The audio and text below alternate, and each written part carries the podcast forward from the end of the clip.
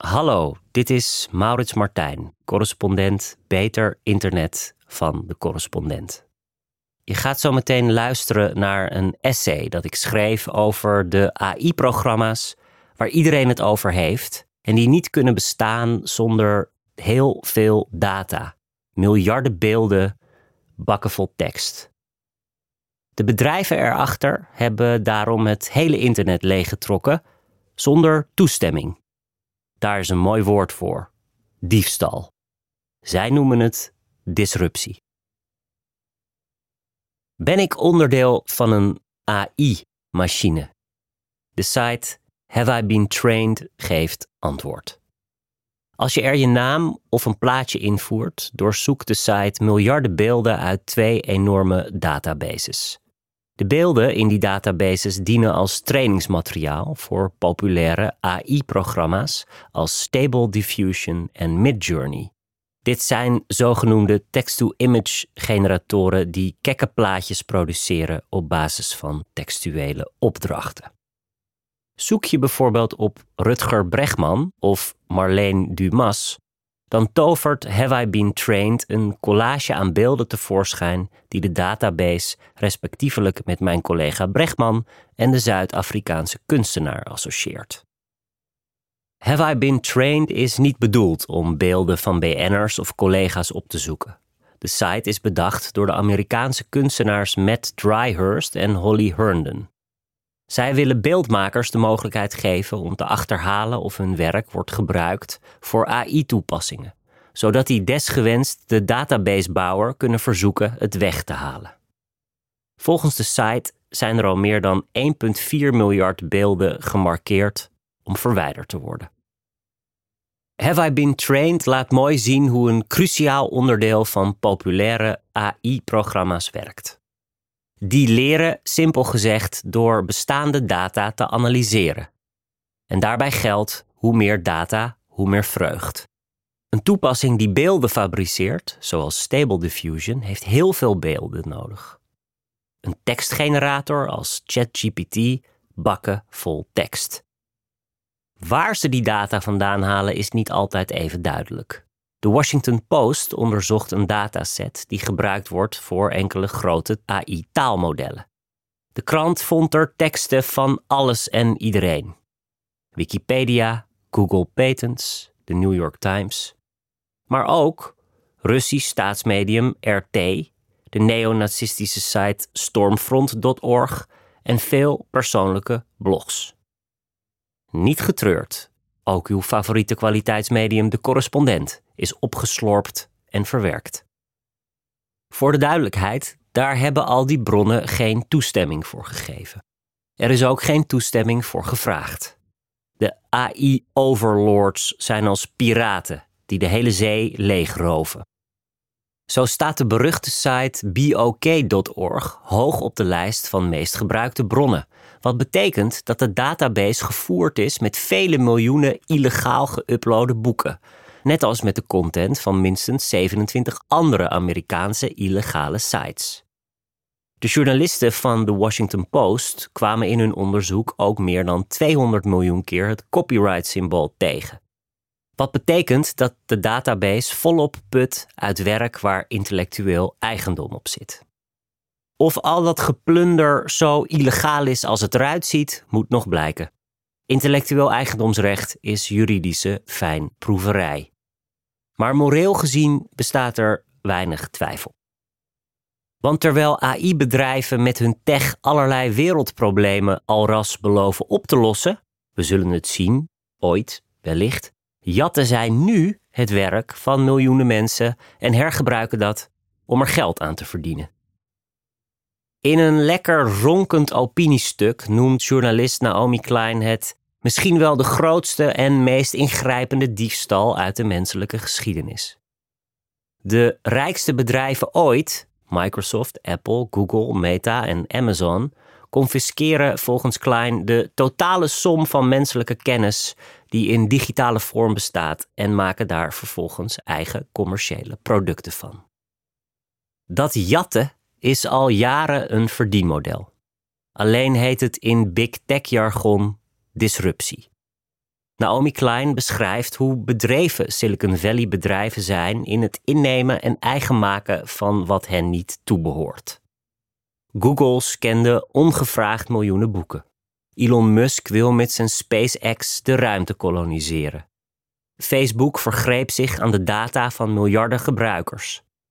Uber nam de taxi-industrie over, Airbnb de verhuurmarkt. Een citaat van Klein: Vraag niet om toestemming, zeggen de disruptors, vraag om vergiffenis. Zo was het niet altijd. Of in ieder geval, dat was niet het verhaal. De belofte was dat het internet de macht zou verplaatsen van het kapitaal naar de gewone burger. Halverwege de jaren 90, toen de massa het wereldwijde web betrad, zag menig voorspeller het internet als een opkontje naar niets minder dan de digitale heilstaat. Wetenschapper en futuroloog Dirk de Kerkhoven zei in 1996: In een genetwerkte samenleving vindt er een machtsverschuiving plaats van de producent naar de consument en wordt zeggenschap en macht herverdeeld. Op het web zal de droom van Karl Marx werkelijkheid worden. De productiemiddelen in handen van de arbeiders. Zes jaar later, in 2002, schreef blogpionier Andrew Sullivan dat blogs de macht over de productiemiddelen zullen grijpen. En refereerde ook hij aan Karl Marx. Mediamagnaat Rupert Murdoch, meer antichrist dan posterboy van het marxisme, zei in 2006 over sociale media: Technologie haalt de macht weg bij de redacties, de uitgevers, het establishment, de mediabonzen. Nu zijn het de mensen die de touwtjes in handen krijgen. Oké, Rupert. Over wat er wel gebeurde kunnen we kort zijn. Ja, iedereen kan een nieuwsbrief versturen, een website beginnen en van alles delen op sociale media. Maar de productiemiddelen van het internet zijn niet gedemocratiseerd. De macht is niet gedemocratiseerd. Integendeel. Slechts een paar Amerikaanse en Chinese techbedrijven bezitten de digitale infrastructuur waar de economie en de samenleving op draaien. Had Marx nu geleefd, dan had hij Das Digitaal geschreven. En toch vliegen ook nu weer, tijdens deze AI-golf, de utopische vergezichten je om de oren. De missie van OpenAI, het aan Microsoft gelieerde bedrijf achter ChatGPT, is te garanderen dat artificial general intelligence de hele mensheid ten goede komt. Het bedrijf zegt toegewijd te zijn om publieke goederen te verstrekken aan de samenleving. CEO Sam Altman zegt dat hij kunstmatige intelligentie wil democratiseren en haar voordelen zo gelijk mogelijk wil verdelen.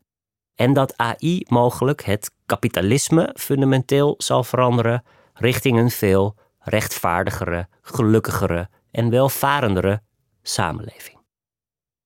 Maar hoe dan? De middelen die nodig zijn om grote AI-modellen te kunnen bouwen zijn in bezit van een klein clubje techbedrijven. Big Tech heeft de data en de computerkracht die nodig zijn om de grote modellen te trainen en draaiende te houden. Het kapitaal om te investeren en uit te breiden en de gespecialiseerde en duurbetaalde arbeidskracht. Of in ieder geval het kapitaal om die in te kunnen huren. De instapkosten zijn dus bizar hoog. Een AI-fabriek bouw je niet zomaar even. Ja, er zijn nieuwe spelers die AI-toepassingen maken, maar zij kunnen niet zonder wat onderzoeker Nick Cernicek de AI-providers noemt. De techbedrijven die met hun data en computerkracht de AI-infrastructuur vormen. Tussen die partijen is bovendien een commerciële red race gaande die weinig met democratisering te maken heeft. Sam Altman's OpenAI is daar een goed voorbeeld van ooit opgericht als open non-profit alternatief voor het gesloten grote winstgedreven Google en andere big tech bedrijven. En in een paar jaar omgebouwd tot een for-profit met nauwe banden met grootfinancier Microsoft. Disruptie. De taal van disruptie wordt meestal geflankeerd door de taal van de onvermijdelijkheid. De veranderingen die komen zijn niet te stoppen, zegt Sam Altman bijvoorbeeld. Dus oké, er gaan onderweg misschien wat dingen kapot. En wie weet roeien we de mensheid wel uit. Maar aan het eind van de rit wacht ons het Walhalla. En bovendien, de technologie dendert toch wel voort. Is dat echt zo? En waarom? Is de toekomst die Altman en zijn vrienden als onvermijdelijk voorschotelen een toekomst die voor iedereen werkt? En wat vinden we eigenlijk van het heden dat kennelijk nodig is om die toekomst te bereiken? Stel je dit soort vragen, dan krijg je al snel het verwijt tegen de vooruitgang te zijn. Dan ben je een ludiet. Dat is een scheldwoord vernoemd naar de 18e-eeuwse Britse wevers die weefmachines sloopten. Dan ben je een conservatief met een onzinnige angst voor de onvermijdelijke toekomst. Een sta in de weg. Maar die wevers waren zo gek nog niet. De ludieten waren niet anti-technologie, schreef ik in een eerder stuk. Integendeel. Ze gebruikten zelf geavanceerde apparaten om hun werk te kunnen doen. Zij waren tegen bepaalde technologieën die hun bazen inzetten om hen te vervangen. Ze richtten hun sloophamers op die technologie die hen werkloos maakte of hun lonen deed dalen. Ze vielen de machines aan, maar bestreden de werkloosheid en de armoede. De gevolgen van de industrialisering. Het systeem dat deze technologieën voortbracht. De ludieten waren hooligans, maar politieke hooligans. Misschien moeten we allemaal juist wat meer ludiet zijn. Want wie bepaalt wat vooruitgang is? Wie gaat erop vooruit? Kun je wel spreken van vooruitgang als daar een ongekende roofzucht voor nodig is? Misschien helpt juist het bekritiseren van of het verzetten tegen bepaalde technologie ons allemaal vooruit, uiteindelijk. Zoals auteur Ted Chang schrijft in de New Yorker. Maar wat betekent vooruitgang eigenlijk als het geen betere levens voor werkende mensen omvat? Wat is het nut van grotere efficiëntie als het geld dat je ermee bespaart enkel terechtkomt op de bankrekeningen van aandeelhouders? We zouden allemaal moeten streven naar ludisme, omdat we ons meer zouden moeten bekommeren om economische rechtvaardigheid dan om het vergroten van private kapitaalaccumulatie. We moeten in staat zijn om schadelijk gebruik van technologie te bekritiseren zonder te worden bestempeld als tegenstander van technologie, schrijft Chang. Ludiete aller landen, verenigt u. Het is de missie van de correspondent om voorbij de waan van de dag te gaan. Onze correspondenten voorzien het nieuws van context en schrijven over de grote thema's van deze tijd. De correspondent geeft me de vrijheid om mijn nieuwsgierigheid te volgen en de tijd om verhalen te schrijven. En zo probeer ik onzichtbare structuren zichtbaar te maken en een andere kijk te bieden op debatten die het nieuws domineren. Dan gaat het minder over het spelletje en veel meer over wat er op het spel staat. Vanaf dag 1 zijn onze artikelen, boeken en podcasts gefinancierd door onze leden. Volg ons op onze journalistieke zoektocht. Overweeg eens lid te worden van de correspondent. En maak daarmee samen met ruim 70.000 anderen onze onafhankelijke journalistiek mogelijk. Dus word lid van de correspondent. Ja. Word lid. Word lid.